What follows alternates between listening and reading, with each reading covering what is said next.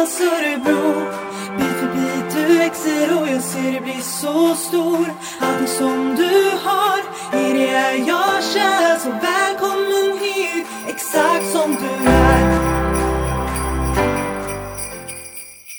Hej hej! Det här är Jessica. Idag vill vi bara önska er god jul och passa på att skicka med lite tips från våra tidigare avsnitt inför jul och nyårshelgerna.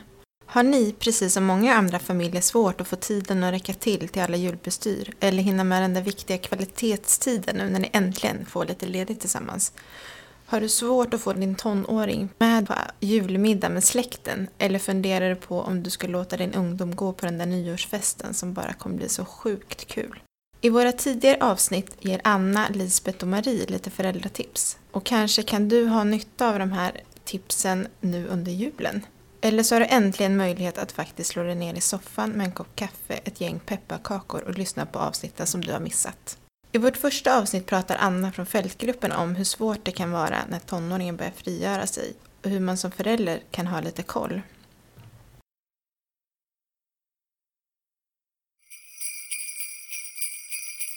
Um, tonåren är ju verkligen en sån, sån period då det händer oerhört mycket. Och var inte... Alltså, när vi pratar om frigörelse så är ju frigörelsen det är en förutsättning för att ditt, din ungdom ska utvecklas och så småningom bli en vuxen. Så, så en frigörelse är, är nödvändig. Så, så var lite cool, tror jag man behöver vara. Samtidigt som vi pratade om alldeles nyss, att vara ändå uppmärksam på det som kanske faktiskt inte är bra för ditt barn. I andra avsnittet träffar vi Lisbeth från Föräldrastöd som pratar om att vara tonårsförälder. Några kloka ord eller något till föräldrarna, hur, vad man ska tänka på. Ja, då tror jag att jag lånade av en psykolog som heter Martin Foster som har jobbat mycket med föräldrar och barn. Han fick en fråga om vilka fyra föräldraförmågor som han skulle vilja lyfta fram. Då. Och då eh, sa han närvaro, vilket innebär att man har tid. Man tar sig tid för sina tonåringar. Han eh, sa värme. Och det tänker jag är att visa den här glädjen och kärleken till sina barn. Eh, han, den tredje saken han nämnde var lyhördhet. Och det är för mig att lyssna och lyssna in och också visa intresse för tonåringens liv. Och det fjärde han sa var förutsägbarhet. Och det innebär, tänker jag, att tonåringen ska veta eh, var de har föräldrarna och vad föräldrarna tycker om olika frågor. Så, så eh, närvaro, värme, lyhördhet och förutsägbarhet.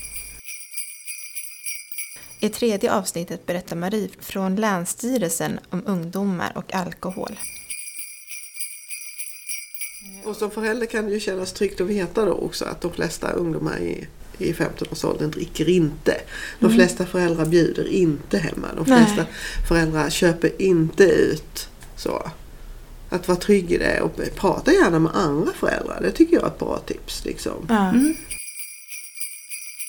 Men hur gör man sen då när ungdomen kommer hem och faktiskt har druckit? Ja, då får man väl ta det ett varv till. Mm. Alltså det är ju jätteviktigt att man, en, alltså att man förmedlar ändå det eh, som förälder. Att jag är din förälder eh, oavsett. Mm. Och jag hjälper dig oavsett. Eh, och jag hämtar dig oavsett. Mm. Alltså så. Eh, men eh, att man inte ändå accepterar ett sådant beteende. Och att, eh, så att det, får, det får ju bli ett allvarligt samtal. Mm. Jag kan tänka mig att det är mycket ånger i det där också från tonåringens sida. Det är väl ett bra tillfälle att prata. Har du tankar eller frågor kring alkohol kan du läsa mer om det på iq.se eller tonårsparlören.se. Där finns det massor med bra råd och länkar. Känner du oro för din tonåring så kan du även kontakta Fältgruppen som jobbar under helgerna på 019 21 45 80.